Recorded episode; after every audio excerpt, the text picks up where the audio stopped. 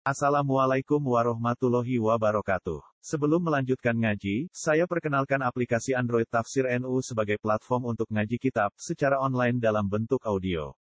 Tafsir NU berisi berbagai kajian kitab kuning dari berbagai ulama NU. Silahkan download aplikasi Tafsir NU di Google Play Store. Link download ada di deskripsi. Wassalamualaikum warahmatullahi wabarakatuh. Bismillahirrahmanirrahim. Sekarang sampai kepada as-hadis ya. As-hadisu ayyakuna qalbuhu ba'dal iftar mu'allaqan muttariban bainal khawfi war raja. Imam Ghazali mengatakan adab yang keenam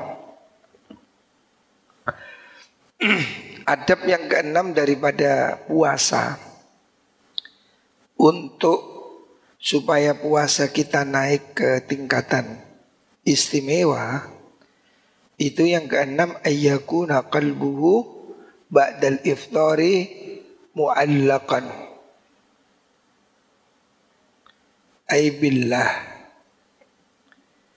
Yang keenam hendaknya hati kita.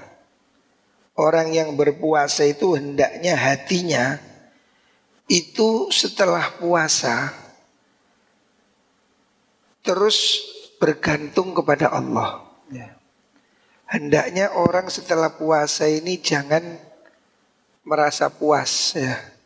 Jangan merasa dirinya sudah demikian hebat. Ya. Hendaknya orang yang puasa ini tetap dalam takut. Kita ini pertama ya beribadah itu harus ada ilmu ya. Setelah ilmu harus ada amal. Setelah amal harus ada ikhlas. Setelah ikhlas harus ada khauf ya, takut. Ilmu itu pondasi. Amal tidak ada ilmu tidak laku. Ilmu saja tidak cukup harus ada amal. Amal tidak cukup kalau tidak ikhlas. Ikhlas belum selesai masih harus ada khauf. Khauf itu takut ya. Kita jangan menjadi besar kepala, apalagi sombong. Walaupun sudah puasa, kita ini harus tetap menggantungkan hati kita kepada Allah. Muttariban bainal khaufi war raja. Hendaknya orang itu tetap pada koridor khauf dan roja. Ya. Khauf dan roja ini harapan dan ketakutan. Ini harus ada pada semua orang. Ya. Semua orang beribadah ini harus ada khauf dan roja. Khauf itu takut ya. Takut kalau amal ini tidak diterima. takut kalau sampai ibadah kita ini tidak disukai oleh Allah Subhanahu wa taala. Tetapi juga harus ada roja ya. Roja itu harapan besar. Kita sudah berusaha maksimal, harapannya amalan ini diterima oleh Allah Subhanahu wa taala. Jadi khauf dan roja ini harus seimbang ya. Setelah kita beramal yang baik, jangan menjadi sombong. Walaupun sudah puasa, jangan merasa diri lebih baik oh saya ini baik, itu neraka, saya surga. Jangan. Kita tidak tahu apakah amal kita ini diterima oleh Allah Subhanahu wa taala. Dan kita tidak tahu apakah kita ini akan husnul khatimah. Bab orang ini ukurannya husnul khatimah. Ya, ukurannya husnul khatimah. Sehebat apa pun kalau amal kita tidak husnul khotimah, tidak ada artinya. Makanya jangan sombong dulu. Sebelum mati kita ini tidak boleh selesai. Ya. Kita harus terus berusaha karena apa? Kita ini masih takut. Apakah amal kita sudah betul dan apakah sudah betul itu diterima Allah Subhanahu wa taala. Idz yadri karena dia tidak tahu. Ayuk balu saumuhu. Apakah puasa dia diterima? Kita kan tidak tahu. Dohirnya sudah bagus. Tapi apa kita yakin puasa itu betul-betul diterima oleh Allah? Ya. Apakah tidak ada riaknya? Apa tidak ada penyakitnya di situ? Makanya setelah puasa ada ketakutannya. Jangan menjadi jumawa. Jangan menjadi sok. Saya ini puasa. Jangan. Hendaknya kita tetap takut. Kita ini tidak tahu apakah puasa kita diterima. Fahuwa minal muqarrabin. Sehingga kalau puasa kita diterima. Kita ini termasuk orang yang muqarrabin. Orang yang didekatkan kepada Allah subhanahu wa ta'ala au yuraddu alaihi fahuwa minal ma fahuwa minal mamkutin ataukah orang itu puasanya ditolak sehingga termasuk orang-orang yang dibenci Allah. Kita kan tidak tahu zahirnya puasa sudah. Tapi apakah sudah betul apakah sudah baik? Jangan sombong. Belum tentu amalan itu diterima oleh Allah Subhanahu wa taala.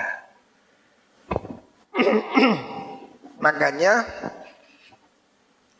orang amal apa pun ya, bukan hanya puasa. Amalan apa pun jangan menyebabkan jadi sombong ya. Walaupun kamu sudah sholat, walaupun kamu sudah zakat, walaupun kamu sudah ngaji, jangan sedikit pun amal membuat dirimu sombong. Karena apa? Khawatir dengan sombong itu amalan tidak diterima oleh Allah Subhanahu wa taala. Kita tidak tahu, kita tidak ngerti. Jadi itu rumusnya. Amal kita ini setelah ikhlas harus ada khauf. Karena kita tidak tahu apakah ini diterima atau tidak. Kita tidak ngerti apakah kita nanti khusnul khatimah. Kita kan masih dalam ketakutan, harapan dan ketakutan. Di sinilah supaya tidak ada rasa sombong bahwa puasa itu jangan menjadikan kita jadi sombong. Puasa harus malah menjadikan kita ini semakin takut pada Allah Subhanahu wa taala. Begitu juga sholat. Sholat juga jangan menjadi kita jadi sombong, merasa diri ahli sholat. Ya. Belum tentu. Semuanya kita tidak tahu. Ya. Wal yakun kadzalika Hendaknya sedemikian, artinya terus dalam ketakutan. Wal yakun kadzalika fi akhiri kulli ibadatin. Pada setiap akhir semua ibadah ya.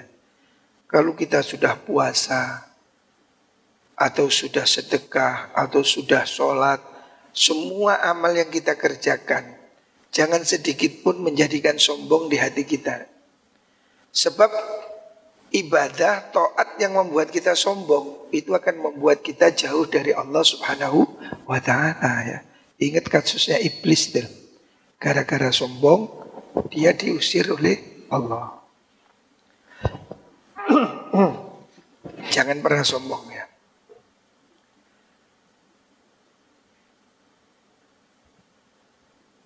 Yafrahu minha ketika orang itu selesai melakukan ibadah. Setiap selesai melakukan ibadah, hendaknya di hati ini masih ada rasa takut. Hendaknya di hati masih ada kekhawatiran. Jangan timbul rasa sombong. Faqala faqad ruya anil Hasan al-Basri ada satu riwayat dari Imam Hasan al-Basri rahimahullah. Hasan Basri ini tokoh sufi yang terkemuka.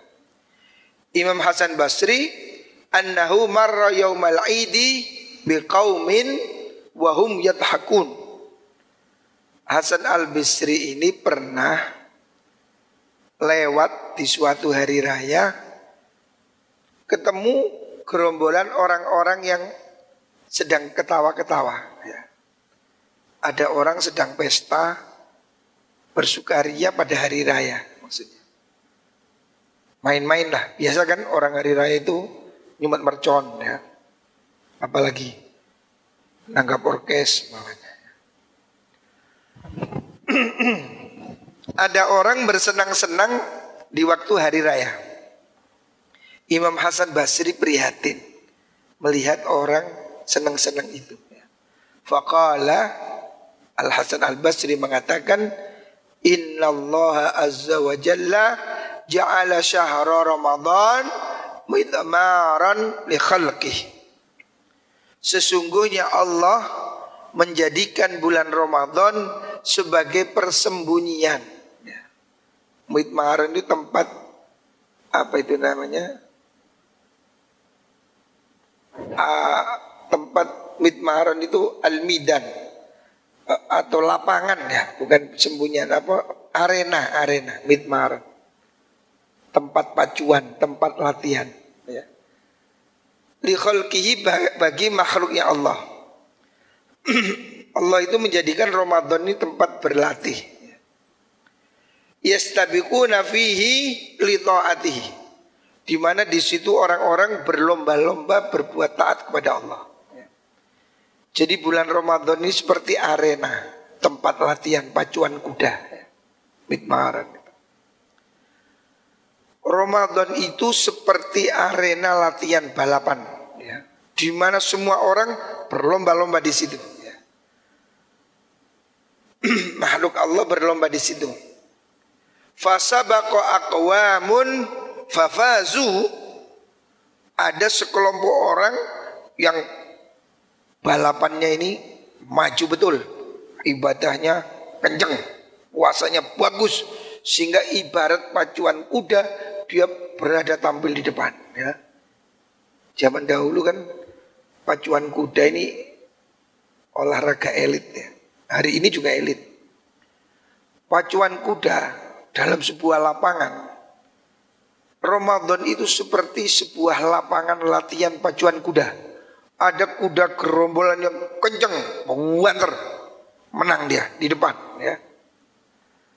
Wa takhallafa aqwamun. Ada segolongan ya orang yang kendu balapane gelendung-gelendung dia ter, tertinggal di belakang. Fal ujbu kullal ujub sangat heran sungguh-sungguh mengherankan. Lidhahiki al-la'ibi fil yaumil ladzi fasa fil musari'un. Heran sekali di hari raya hari ini. Hari raya itu anggap itu final. Heran di hari yang kemenangan ini di mana orang-orang yang tampil cepat berada di depan menang fafazu Kaum ada yang maju menang, faza fil musariun yang bergerak cepat sudah finish di depan. Wa khaba fihil mubtilun dan rugi orang-orang yang kendu-kendu ya. Yang nganggur, yang kendu, ail mubtiun. Dalam pacuan ini kan ada yang kenceng, ada yang lambat. Yang kenceng sudah finish. Hari raya itu finish. Dia bahagia ya di depan. Ada yang kendo-kendo, jamaah kendo, terawih kendo, turu tok. Yang kendo-kendo ini nyesel dia ya. Dia kalah, menyesal. Ya.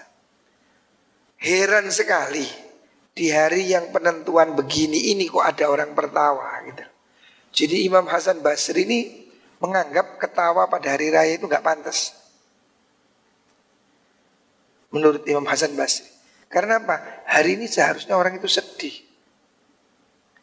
Jadi ulama dahulu itu hari raya itu malah sedih. Susah.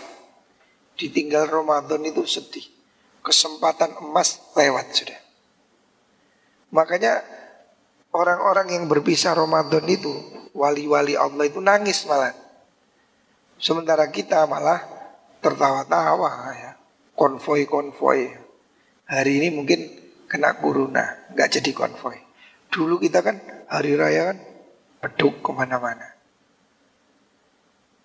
Menurut pandangan Imam Hasan al Basri, orang hari raya senang-senang ini nggak boleh menurut dia. Ama wallahi lau kusifal ghita demi Allah seandainya tutup hakikat ini dibuka oleh Allah lan saghalal muhsin bi ihsanihi. Kekerasan. Lan al muhsinu bi ihsanihi. Orang-orang yang baik itu akan sibuk dengan kebaikannya. Ya. Wastaghlal musi'u bi isaatihi. Dan orang-orang yang berbuat jelek akan sibuk meratapi kesalahannya. Jadi hari itu orang-orang ini mestinya sibuk menghitung dirinya. Apakah ada di depan atau di belakang. Ay sururul makbul yusghiluhu anil. Artinya orang-orang yang ibadahnya jos, orang-orang yang Ramadannya di depan, itu sibuk, tidak bahagia. Dia itu bersyukur aja, bersyukur ya Allah, puasa selesai dengan dengan dengan bagus ya. Sehingga dia itu sibuk dengan bersyukur, nggak bermain-main ya. Ani la'bi, dia tidak mau main-main. Wahasratul mardud tasuddu alaihi babad. Sementara orang-orang yang puasanya gagal, yang nggak terawih, yang nggak puasa, pada hari itu seharusnya dia menangisi kegagalannya. Ya. Karena orang-orang yang Ramadan itu tidak berkesempatan berbuat baik, Berarti dia kehilangan kesempatan emas sepanjang tahun.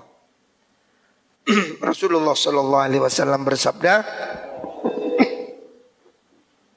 kata Nabi, Raghima anfu rajulin Dakhala alaihi Ramadan Falam yukfarlah Celaka Sungguh celaka orang yang datang kepadanya bulan Ramadan tidak berbuat apa-apa sehingga dosanya tidak diampuni oleh Allah. Jadi kalau ada membiarkan Ramadan itu lewat tanpa kesan, harusnya dia menangis, ya.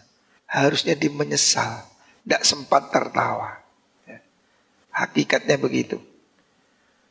Wanil Ahnaf bin Qais diriwayatkan dari sahabat Ahnaf bin Qais annahu qila lahu ada orang berkata kepadanya Innaka syekhun kabirun.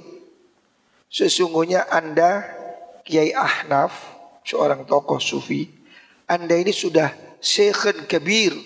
Anda ini orang yang sudah sangat tua ya. Wa inna siyama yudha'ifuka Sesungguhnya puasa ini akan membuat dirimu jadi lemah Imam Ahnaf dianjurkan jangan puasa sama dengan hari ini loh. Ada orang bilang, ini ada corona, jangan puasa. Ada yang ngomong gitu. Gini betul. Sudah ada ndak tahu politisi partai X meminta supaya Pak Jokowi melarang puasa. Takut kalau puasa kena corona. Itu logika dari mana gitu loh. Tidak nyambung. Sejauh ini belum ada satupun penelitian yang terdokumentasikan bahwa Ramadan bisa menyebabkan corona. Tidak ada korelasinya. Zaman dahulu Syekh bin Qais dihimbau supaya nggak puasa. Kiai, Anda sudah tua innaka syekhun kabir wa inna siyama yudha'ifuka. Anda sudah tua, nanti kalau puasa Anda capek, lemah ya. Faqala Imam Ahnaf menjawab, "Inni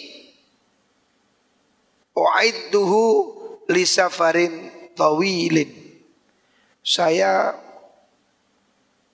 persiapkan puasa itu untuk bekal perjalanan jauh alias perjalanan ke akhirat. Wasobru ala taatillahi subhanahu ahwanu minas sabri ala adabi. Jawabnya Imam Ahmad, saya mau tetap puasa. Karena puasa ini saya buat sangu untuk menghadap perjalanan jauh. Sesungguhnya sabar untuk melakukan taat pada Allah. Sabar berpuasa walaupun haus, lapar ya. Itu ahwanu, lebih ringan, lebih enteng dibanding apa? minas sabri ala adabi daripada saya harus sabar menahan siksanya kelak di akhirat. Lebih baik saya berat di dunia daripada disiksa Allah di akhirat. Ya. Artinya selama kamu masih mampu jangan sampai tidak puasa ya. Lah ini gimana ada kuruna? Ya mohon pada Allah. Semoga kuruna disingkirkan oleh Allah Subhanahu wa taala. Nah kalau saya kurang mantap, ya ditambah vitamin, ya. Mungkin sahurnya ditambahi tomat membawanya. Tomat ini kan vitamin C. Ya. Tambahi jeruk, tambahi sayur-sayur. Pengalaman ya, orang itu minum makan buah itu lebih ini, lebih awet. Jadi saya wukuf ke Arafah itu lebih suka bawa tomat, buah itu. Itu lebih enak ke badan. Ya, mungkin Ramadan bisa begitu. Kalau memang kamu takut apa kekurangan cairan, ya minum yang banyak. Sahurnya lebih pagi sebelum subuh. Azan kurang 10 menit kak popo. Ya. Lek perlu Swiss apa iku jenenge? Apa biasa? Imsak, imsak. Imsak itu masih boleh makan. Tidak apa-apa. Ya. Imsak itu warning. Ya. Halo, halo. Kurang 10, kurang 5. Imsak itu masih boleh makan. Cuma itu hati-hati. Ya. Maksudnya supaya tidak kebablasan. Imsak itu belum subuh. Boleh. Jadi kalau kamu kurang puas sahurnya, nunggu imsak gak apa-apa imsak krek, krek, krek, krek. makan tomat sak kintal kalau kamu takut ya ya udah ikhtiar ya tapi insya Allah ya yakin saya yakinlah yang bisa memberi sehat hanya Allah subhanahu wa ta'ala ya Fahadhihi hiyal ma'ani al-batinati fi Inilah arti sesungguhnya yang rahasia dari puasa. Ya. Jadi puasa bukan hanya tidak makan dan tidak minum. Tapi puasa harus menghentikan maksiat. Ya. Harus menghentikan dosa-dosa. Mata, apalagi mulut, telinga, anggota tubuh, ya dan mengurangi makan supaya jiwa kita lebih peka ya. Fa'in kulta kalau ada pertanyaan ya, Imam Ghazali ini cerdik sekali. Fa'in kulta kalau kamu berkata, kalau kamu ragu-ragu, kalau kamu mau debat, fa'in kulta kalau mau kamu kata, famanikta soro ala kafi syahwatil batni wal farji wa tarki hadhihi al ma'ani faqad qala al fuqaha'u sumuhu sahihun fama ma'nahu ya. kalau kau bertanya begini ya. faman iktasor apabila seorang itu hanya mengambil cukup iktisor itu hanya meringkes hanya mengambil pokok ala kafi syahwatil batni dia hanya puasa yang penting nggak makan, ya perut nggak makan. Wal farji dan kemaluan tidak melakukan seks. Wataraka hadil ma'ani dan dia tidak melakukan hal-hal yang anda sebut kemarin maksiat mata, telinga, mulut, anggota tubuh nggak usah. Seandainya ada orang cuma nggak makan, nggak minum, nggak seks, ya hanya itu aja. Fakat qala al fuqaha para ahli fikih sudah mengatakan saumuhu sahih. Puasanya kan sudah sah. Orang nggak makan, puasanya kan sah. Itu maksudnya. kalau kamu bertanya, kalau kamu bertanya, menurut Fathul Qorib, umpamanya, syarat puasa itu kan cuma nggak makan, nggak minum, nggak seks. Nah kalau cuma itu sudah sah, kenapa kok diberi syarat enam? Kok ditambahi ini semua? maksiat-maksiat dihilangkan. Di Fathul Qorib tidak ada tuh umpamanya. Fama makna, apa artinya ini? Ya. Kalau kamu bertanya begitu. Kalau kamu bertanya, ini suara saya habis operasi pita suara ini belum belum bagus ya. Allahumma Muhammad. Ini bisa didengar suara saya. Kalau kamu bertanya, toh puasa nggak makan nggak minum sudah sah. Apa artinya kita harus menjaga mata, jaga telinga, jaga mulut, jaga tangan, jaga kaki, ngurangi makan? Ini apa maksudnya? Fa'lam. Ini jawaban rumah natul. Fa'lam. Anna fuqaha sesungguhnya ahli-ahli fikih. Anna fuqaha al-zahir sesungguhnya ahli fikih yang zahir. Jadi ahli fikih ada yang zahir, ada yang batin. Yang zahir itu ya cuma mengambil yang paling ringan. Puasa nggak makan itu. Minimal. Yuthbituna syurut al-zahir bi adillatin hiya ad'afu min hadhil adillah. Ketahui kata Imam Ghazali. Apa yang disebutkan ahli fikih dalam kitabnya Fathul Qarib Fathul Mu'in, apalagi Fathul Wahab. Ya. Semua kitab fikih itu menunjukkan syarat puasa hanya tidak makan, tidak minum, tidak ngesek. Ada dalilnya.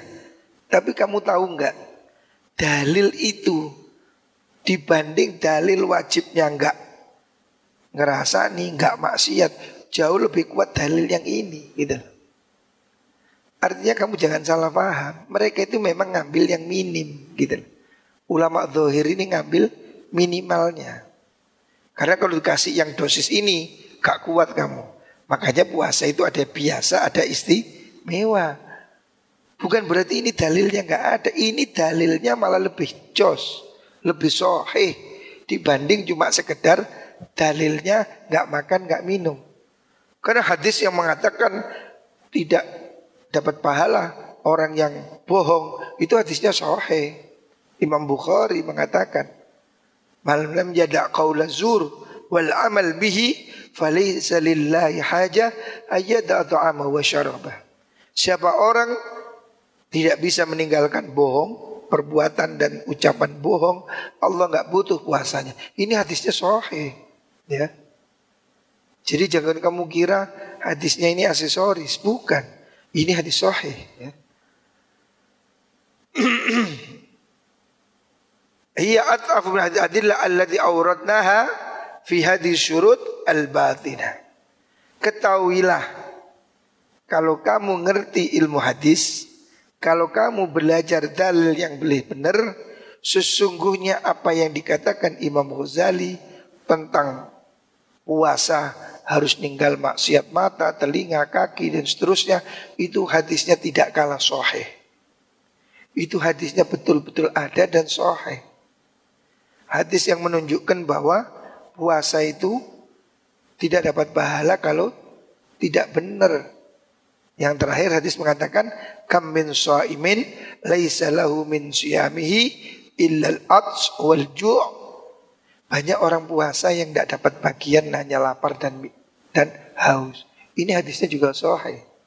Artinya pentingnya menjaga diri dari enam hal yang disebut Imam Ghazali itu tidak kalah penting dibanding sekedar tidak makan dan tidak minum. Ya.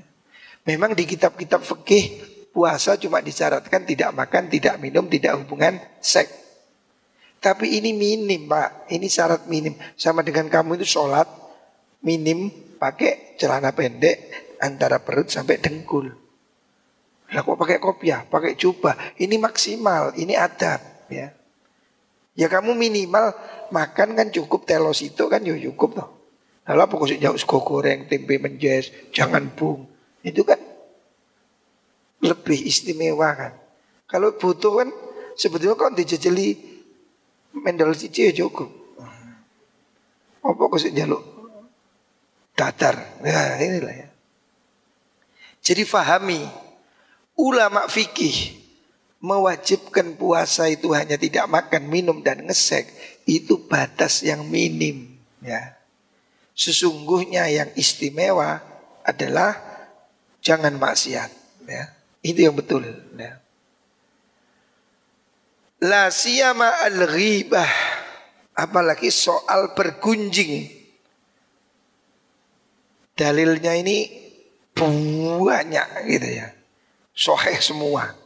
Larangan bergunjing ini dalilnya ini corong biaya ini empal-empalan, tumpuk-tumpukan. Banyak sekali. Nah, maka pundi mau la siyama al ghibah wa amthaliha. Apalagi bergunjing dan sejenisnya. Sejenis bergunjing ya bohong, menipu, maki-maki ya. Walakin laisa ila fuqaha zahir minat taklif illa ma tayassara umumal ghafilin al mukbilina ala dunya ad-dakhul tahtahu. Sesungguhnya dalil larangan bergunjing, larangan berbohong, larangan mengadu domba, ini semua soheh. Ya. Akan tetapi di kitab-kitab fikih diambil yang minim. Yang penting puasa jangan makan, jangan minum, jangan seks. Dua tiga. Sebab apa? Sebab ulama-ulama fikih ini mengambil batas toleransi yang termudah. Kalau seandainya dikasih syarat seperti ini, karena uang poso, batal kape kon. Nang pasar mau temu shooting terus ya. Ono ketok rok dhuwur titik jegegek. Ono wong ketok ayu titik noleh kanan, noleh kiri. Lah kalau seandainya di kitab fikih syarat ini disebutkan semua, mungkin grogi nggak ada yang puasa. Makanya di kitab fikih itu diambil minim aja. Jangan makan, jangan minum, jangan ngesek. Ya. Sebab apa? Menurut Dohir itu yang paling mudah. Gitu loh. Jadi ulama-ulama fikih ini hanya bisa mengambil untuk batas yang minimal masyarakat awam, umumul ghafilin, orang-orang yang lalai-lalai ya. Al-mukbilina ala dunia, mereka yang sibuk bekerja. Kalau diberi syarat yang berat ini, kalau sing nang pasar, wedi maksiat. Kalau sing nyopir, gak ketok penumpang lah, merem kabeh. Makanya diberi yang paling ringan. Nah gitu ya. Fa amma hukamaul akhirah Adapun hukama akhirat Maksudnya ulama ahli tasawuf ya. Ada ulama fikih zahir Ada yang hukamaul akhirat. Imam Ghazali membagi dua kelas. Ada fikih kelas zahir ya. Fikih zahir yang cuma ya puasa syaratnya nggak makan, nggak minum Itu kan minimal. Puasa syaratnya hadap kiblat. Soal khusyuk soal menghadapkan hati tidak dibahas di fikih. Karena itu bahasanya ulama akhirat. Fayu'nuna bisihha al-qubul. Adapun ulama akhirat itu mengartikan sah. Ya. Sahnya itu harus diterima. Sebab kalau sah menurut fikih itu kan belum sampai diterima. Cuma sah gitu aja. Tapi kalau menurut ulama akhirat, tasawuf, yang dimaksud ini supaya betul-betul puasa diterima Allah Subhanahu wa taala. Gitu loh. Wabil qabul al-wusula ilal maksud. Target dari ulama akhirat itu puasa yang diterima dan hasil kepada maksud. Apa maksudnya puasa? Maksudnya adalah mendekat pada Allah Subhanahu wa taala. Sebab tujuannya itu kutiba alaikumusiyam kama kutiba alal ladzina min qablikum la'allakum tattaqun. Targetnya goalnya itu kan tatakun. Supaya kamu takwa, supaya kamu dekat pada Allah. Makanya syaratnya lebih berat. Kalau cuma tujuannya lapar, Ya sudah tidak makan sudah lapar. Tujuannya bukan hanya lapar. Tujuan puasa ini naik menjadi bertakwa. Allahumma salli Muhammad. Karena targetnya ini dinaikkan ya, bertakwa, maka puasanya harus lebih baik gitu lah. Wa yafhamuna annal maksud minas som atakhalluka bi khuluqin min ahlakillahi ta'ala wa huwa as-sumadiyah. Sebab tujuan dari maksud orang puasa itu mengambil satu akhlak.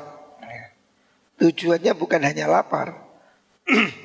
Tujuannya mengambil akhlak dari bagian akhlak Allah Subhanahu wa taala yaitu sifat as-samadiyah. Kul huwallahu ahad, Allahu as-samad. Sifat yang sedemikian tinggi ya, sifat as-samadiyah. Ya. Ya.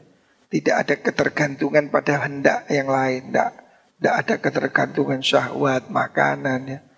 Tujuannya itu membebaskan dirimu dari benda menuju Allah gitu loh. Makanya puasamu harus kualitasnya lebih baik ya. Terus mana tadi? Wal iqtida bil malaikati fil kaffi anis syahwat. Tujuan puasa itu mengikuti malaikat dalam cara mencegah syahwat. Biasa bil imkan dengan semampunya. Fa innahum mutanazzahuna anis syahwat. Karena malaikat ya. Makhluk ini kan ada malaikat, manusia, binatang, ya kan? Tingkatan makhluk. Tertinggi ini malaikat tak ada nafsu. Malaikat sama cewek tidak ngelirik, belas. Belas. Didik-didik oh, bah wayu, bah putih, bah mulus, bah kuning, tinggi, langsing. Ah, malaikat das. Nureken. Nah, malaikat tidak ada syahwat. Manusia ini tengah-tengah. Syahwat ada. Nafsu ada. Ruhani ada. Bawahnya lagi binatang. Akal tidak ada. Syahwat pol. Maka manusia ini kalau turun seperti hewan. Kalau naik seperti malaikat atau lebih. Ya. Lah tujuan puasa ini salah satunya kita meniru malaikat sedikit-sedikit. Dalam arti apa? Ngurangi nafsu. Ya. Walil insan rutbatuhu fauqa rutbatil bahaim. Manusia ini tingkatannya grid di atas hewan. Kambing, sapi, kuda, ayam, grid di bawah manusia. Manusia itu di atasnya hewan. Ya. Likudratihi binuril akli ala kasri syahwatihi. Karena manusia ini diberi akal supaya dia bisa mengalahkan syahwat. Ya. Makanya manusia ini kalau tidak punya takwa ya, tidak punya iman, lebih jelek daripada hewan. Hewan ini sering kali masih punya ukuran lah.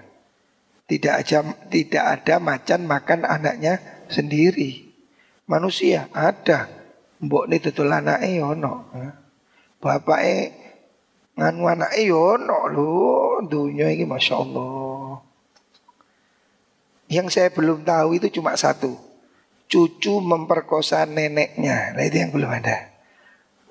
Kalau anak memperkosa ibunya itu lo ada. Oh, rusak ini sudah. Kucing aja nggak. Sak kucing kucingnya kucing itu. Manusia ini kalau rusak lebih dari hewan. Anjing aja ya, anjing cowok. Tidak mau sama anjing cowok. Seanjing-anjingnya anjing. Eh. mau cowok sama cowok kok cium-ciuman nggak mau. Hopeng nggak mau. Lu manusia jalan. Bencong-bencong. Lanang podo lanangi. Gay itu loh. Cowok. Lalu terus di piye carane lanang podo lanangi. Kati rabi terus kati anggar apa di apa karepe. Ini mau nikah apa mau olahraga itu mana?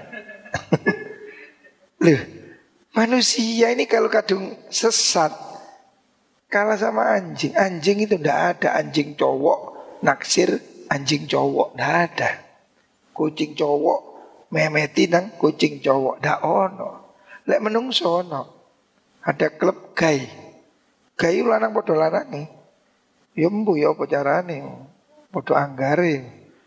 Ada lagi cewek sama cewek, namanya lesbi. Ya. Manusia ini kalau kehilangan akal budinya melebihi hewan ya. Ulaika kal an'am balhum adol lebih sesat ya. Manusia ini bisa lebih sesat. Makanya kacau ini.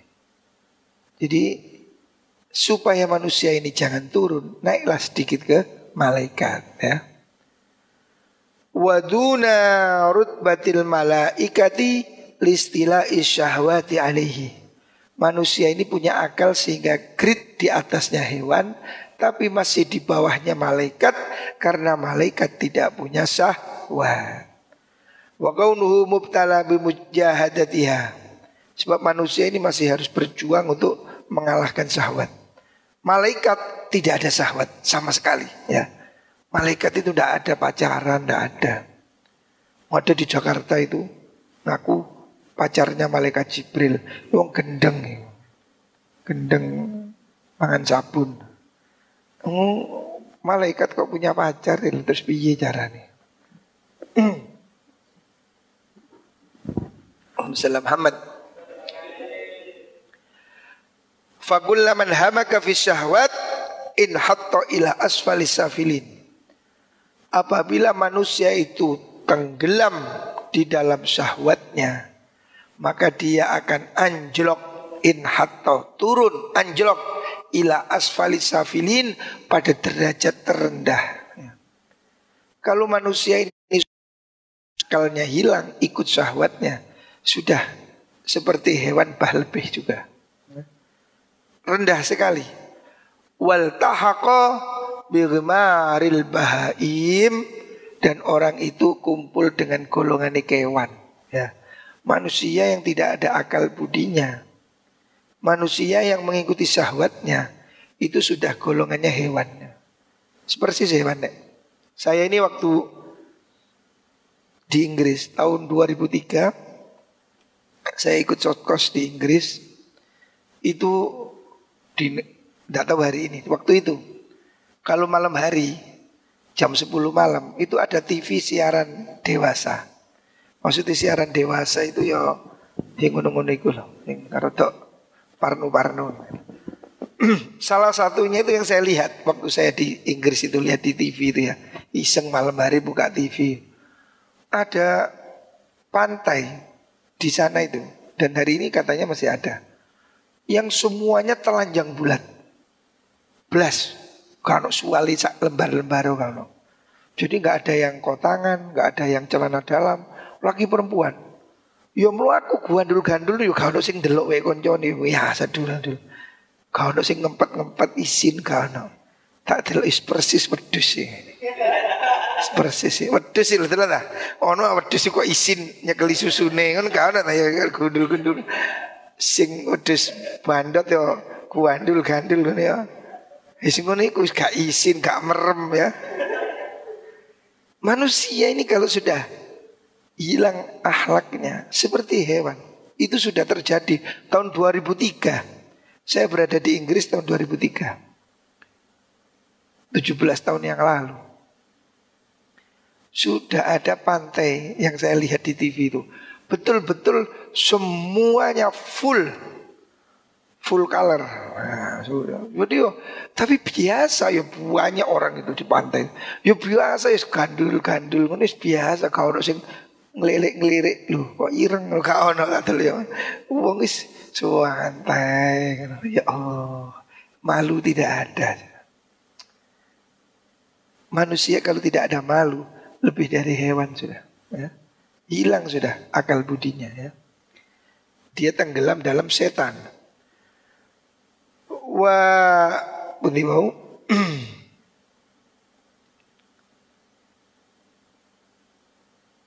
Apabila orang itu wa kullama qama syahwat kalau manusia itu mengalahkan syahwat irtafa ila a'la illiyin maka dia akan naik ke tingkatan tertinggi wal tahaqa biufukil malaikah. Mereka akan naik ke derajatnya alam malaikat. Wal malaikatu muqarrabuna minallahi azza wa jalla. Malaikat itu makhluk yang berada di samping Allah Subhanahu wa taala. Walladhi yuktada bihim walladhi yaqtadi bihim wa yatashabbahu bi ahlakihim yaqrub minallahi azza wa jalla ka qurbihim. Orang-orang yang mengikuti cara hidup malaikat artinya menahan nafsunya dan mengikuti menyerupai malaikat murni ibadah maka yaqrubu minallah dia akan semakin dekat kepada Allah ya. Jadi kunci dekat pada Allah itu syahwatnya harus dikalahkan. Kalau orang itu syahwatnya bisa dikalahkan, dia menuruti hidayah, nuraninya mengikuti petunjuk Allah seperti malaikat, dekatlah dia kepada Allah. Fa inna syabiha minal qaribi qaribun. Sesungguhnya menyerupai orang yang dekat itu membuat dia jadi dekat. Artinya menyerupai malaikat yang dekat Allah menyebabkan dia dekat kepada Allah. Walisal kurbu sama bil makan bal bis sifat. Yang dimaksud dekat itu bukan dengan tempat, bukan satu senti dua senti, dekat dengan sifat-sifatnya maksudnya.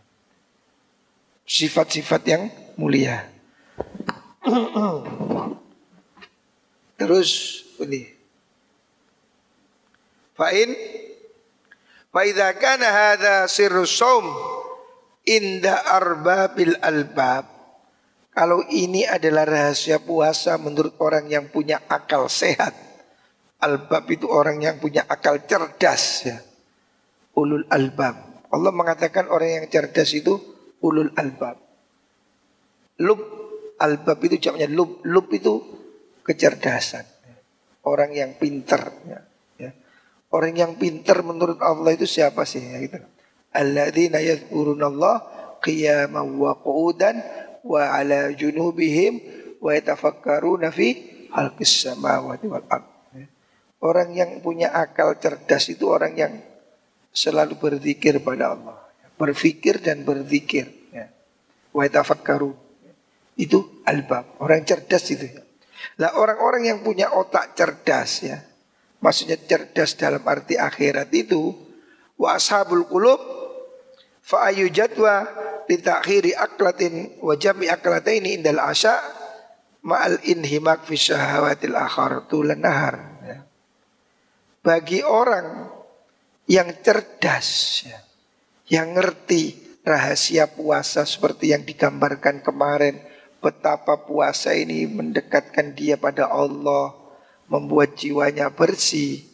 Kalau orang yang faham itu, maka apa artinya ya? Fa'ayyu jadwa, apa manfaatnya? Litakhiri aklatin, wajambi aklata ini. Dan mengumpulkan makan pagi, siang, sore. Dua indal asak ketika makan malam. Mal inhimak fi syahwatil akhir tulanar. Apa artinya cuma menunda makan kalau dia tenggelam di dalam syahwat sepanjang hari?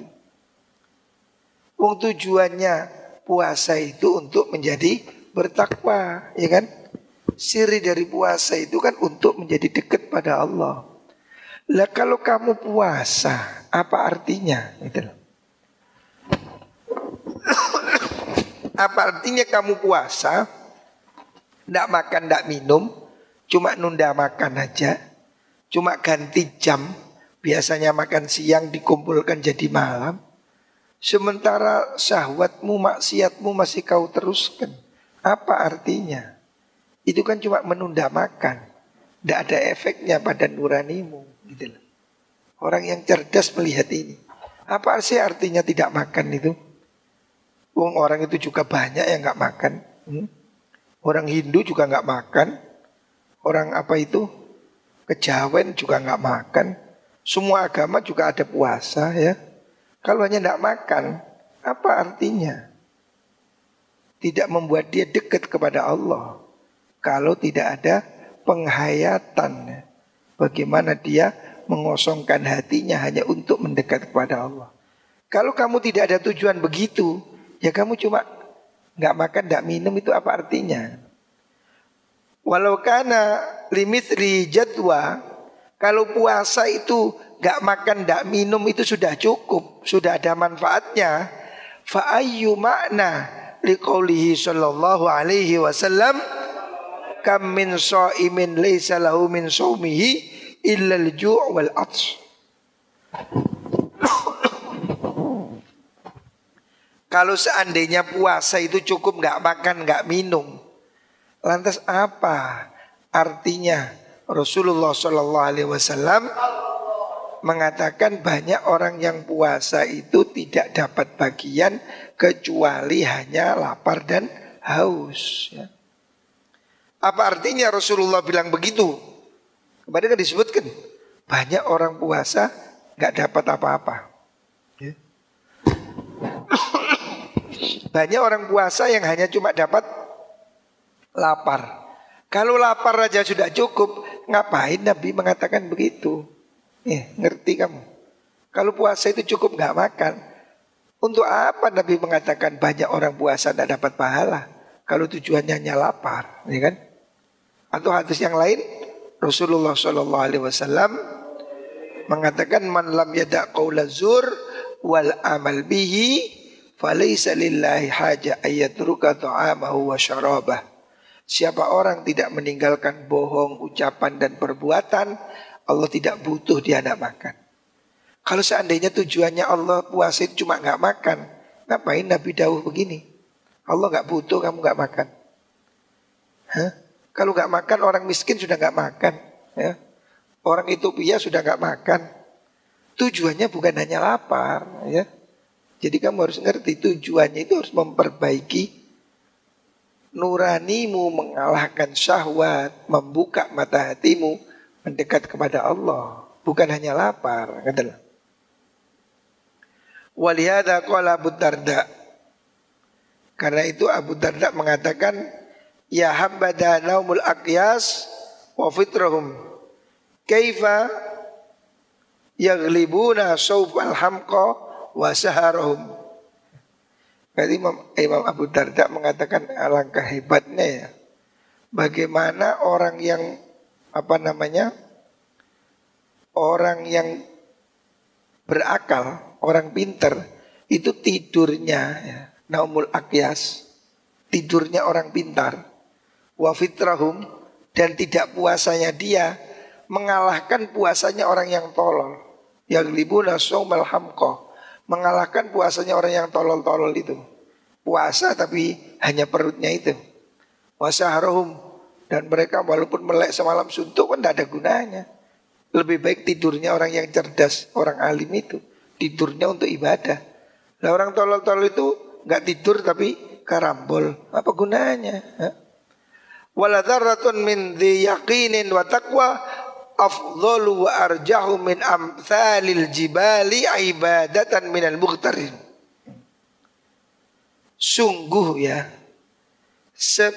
biji kecil ya dari keyakinan dan takwa itu lebih bagus, lebih hebat dibanding segunung ibadah orang-orang yang tertipu.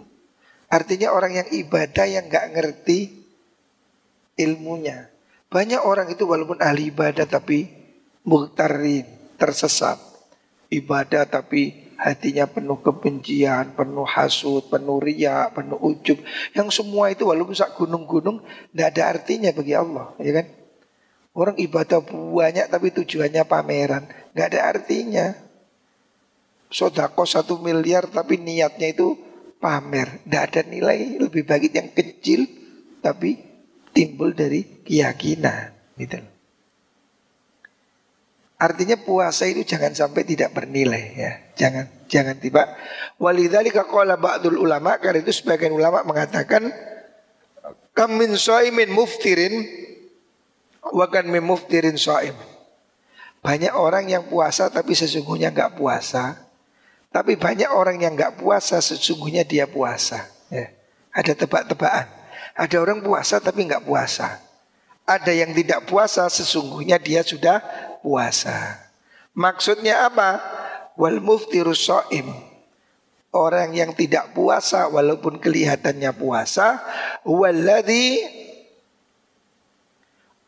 wal muftiru as-so'im. Orang yang tidak puasa tapi dinilai puasa. Walladhi yahfadu jawarihahu anil atham. Yaitu orang yang anggota tubuhnya dijaga tidak berbuat maksiat.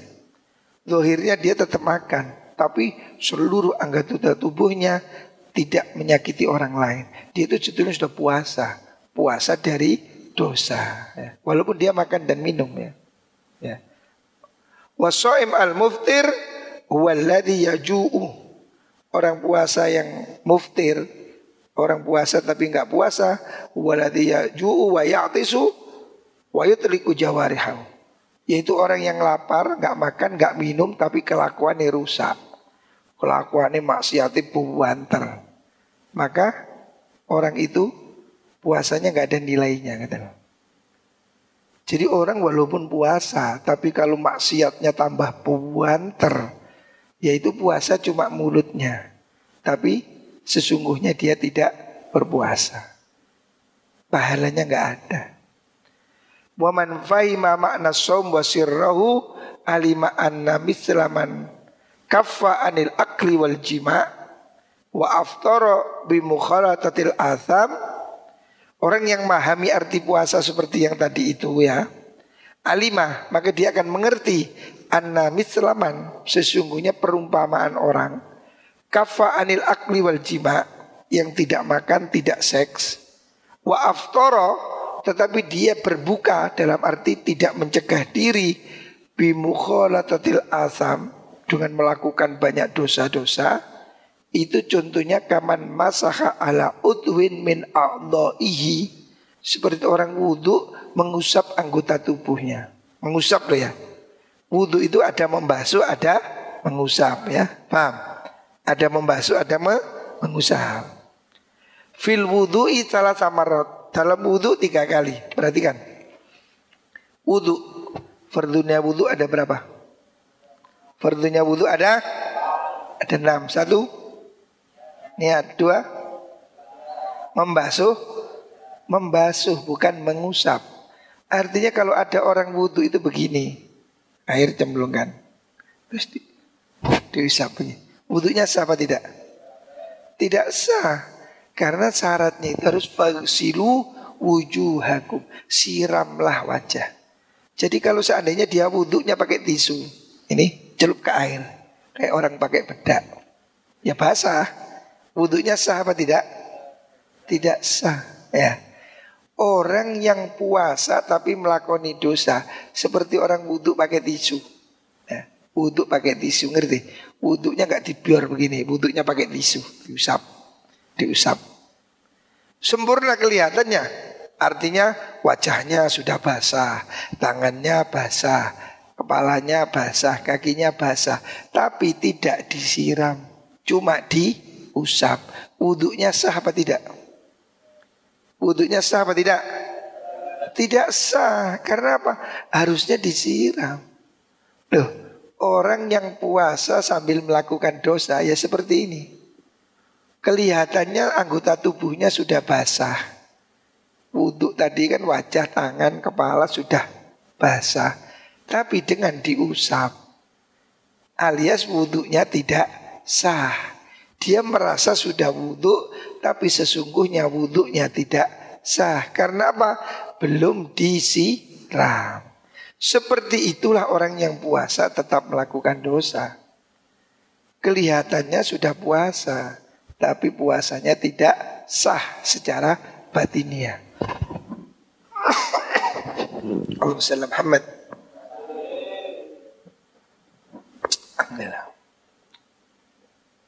Contohnya begitu. Faqad wafaqa fi dhahiri al-adad. Zahirnya dia sudah wudhu cocok. Mengusap wajah tiga kali mengusap tangan tiga kali, mengusap kepala tiga kali, mengusap kaki tiga kali. Dohirnya kan seakan-akan sudah persis, sudah cocok tiga kali. Seakan-akan, tapi tidak sama. Kenapa? Illa annahu tarokal muhimmah. Tapi dia itu meninggalkan sesuatu yang paling penting. Apa itu? Bahwa al-ghuslu yaitu membasuh. Dia kan cuma mengusap, tidak membasuh. Padahal Al-Quran mengatakan Fausilu wujuhakum Basuh Basuh dengan usap tidak sama ya. Fasolatuhu mardudatun alaihi bijahlihi. Orang yang wuduknya tidak sah ya. Wuduk seperti itu tadi. Sholatnya sah apa tidak? Orang yang wuduknya tidak sah, sholatnya tidak sah. Padahal dia merasa sudah benar. Ya dia wuduk, ya dia sholat. Dia merasa sudah bagus. Padahal sholatnya tidak sah. Karena apa? Wuduknya tidak sah. Nah inilah. Inilah contohnya orang puasa yang melakukan maksiat. Kelihatannya sudah benar. Orang sholat sudah wudhu. Kelihatannya sudah benar. Eh ternyata wudhunya batal. Maka sholatnya juga batal. Lah puasa kita juga begitu. Kelihatannya sudah lapar. Tapi maksiatnya jalan. Seperti orang sholat tapi tidak wudhu. Wa mithlu aftara bil akli perumpamaan orang yang tidak puasa. Wa soma bijawarihi dan dia tetapi puasa dengan anggota tubuhnya. Dalam arti dia tidak melakukan maksiat apa pun. Kaman ghusala a'dha'ahu marrotan marrotan fa salatuhu mutaqabbilatun. Seperti orang yang wudhunya benar walaupun cuma satu kali satu kali. Wudhu itu kan satu kali sudah cukup. Gini betul? Tiga kali itu hukumnya sun, sunnah. Seandainya kamu wudhu cuma satu kali, bior, bior, bior, bior, bior. Cukup nggak betul? Cukup, karena tiga kali itu sunnah. Loh, orang yang puasa, apa tidak puasa tapi tidak maksiat. Seperti itu tadi. Wudhunya minimalis, tapi sholatnya sah. Fasolatu balatun insya Allah li ihkamil aslah. Orang yang wudhunya benar walaupun cuma satu kali sholatnya sah. Karena apa? Dia kokoh benar. Ya. Wa intarokal al-fadlah meskipun dia meninggal yang lebih utama. Wa mithlu jama'a bainauma perumpamaan orang yang puasanya betul, lohirnya betul, batinnya betul. Kaman ghusala kulla udwin thalatha marratin. Seperti orang yang wudhu benar basuhan tiga kali. Fajama'a bainal asli wal fadli. Maka orang itu sempurna antara pokok dan keutamaannya dapat semua. Kan pokok itu minimalnya. Wudhu minimal satu kali. Tiga kalinya sunnah. Seperti itulah puasa. Minimalnya tidak makan, keutamaannya tidak menghilangkan semua atau dia tidak melakukan dosa-dosa. Waqat qala Bendil. Waqat qala sallallahu alaihi wasallam. Rasulullah bersabda, "Innallaha ya'murukum an tu'addul amanati ila ahliha." Allah memerintahkan kamu untuk berikan amanah kepada yang berhak. Ini biasanya dalil dibuat pemilu. Berikan suara pada yang berhak. Jangan jual beli suara. Walam matala. Oh ini. Waqat qala sallallahu alaihi wasallam inna sawma amanatun falyahfad ahadukum amanata. Puasa itu adalah amanah. Hendaknya semua orang menjaga amanahnya. Walam matala qawlahu ta'ala. Ketika Rasulullah membaca ayat itu Innallaha ya'murukum an tu'addul amanati ila ahliha. Bahwa Allah memerintah kamu berikan amanah pada yang berhak. Surat An-Nisa ayat 58. Wadhu ayadahu ala sam'ihi wa basarihi. Kanjeng Nabi mendengar ayat itu beliau menaruh tangannya di telinga dan matanya. Wa qala as-sam'u amanatun. Telinga ini amanah. Wal basoru amanatun. Mata ini amanah. Maka harus dijaga. Ya. Walaula annahu min amanati saum seandainya menjaga mata dan telinga itu tidak termasuk amanah dari puasa lama qala sallallahu alaihi wasallam pasti Rasulullah tidak berkata fal yakul inni shaimun Tentu Nabi kemarin tidak mengatakan kalau kamu puasa kan jangan ngeladeni orang tengkar. Kalau kamu dimaki orang katakan ini soimun, maaf saya puasa. Seandainya puasa ini Tidak ada perlunya dengan menjaga mata, lisan, mulut. Ngapain Nabi kok mencegah kita bertengkar? Kan bertengkar lebih memuaskan. Coro akal nih, coro nafsu kan gelut dulu ya. Mengapa adu mulut kalau bisa baku hantam? Kan gitu Katanya siapa? Siapa itu jenenge dildo. Mengapa kamu masih beradu mulut sedang Tuhan memberi kamu tangan untuk beradu pukul? Katanya orang gendeng. Artinya kenapa Nabi kok melarang kamu bertengkar? Seandainya puasa itu cukup perut, kan nggak apa-apa sambil puasa sambil gelut. Nyatanya Nabi melarang kamu kalau puasa jangan bertengkar. Bahkan kalau kamu ditengkari orang jangan balas. Falyakul ini so'imun. Kalau kamu puasa dimaki orang jangan balas. Diajak gelut jangan mau. Katakan ini so'imun. Sorry saya puasa. Seandainya puasa ini tidak ada urusan sama akhlak. Ngapain Nabi melarang orang nggak boleh gelut? Tempelingnya apa? Mau poso cukup petang. Ya. Ini untuk membuktikan bahwa puasa ini bukan hanya soal perut. Makanya Nabi melarang kamu maksiat mata, telinga sampai kamu tidak boleh adu mulut.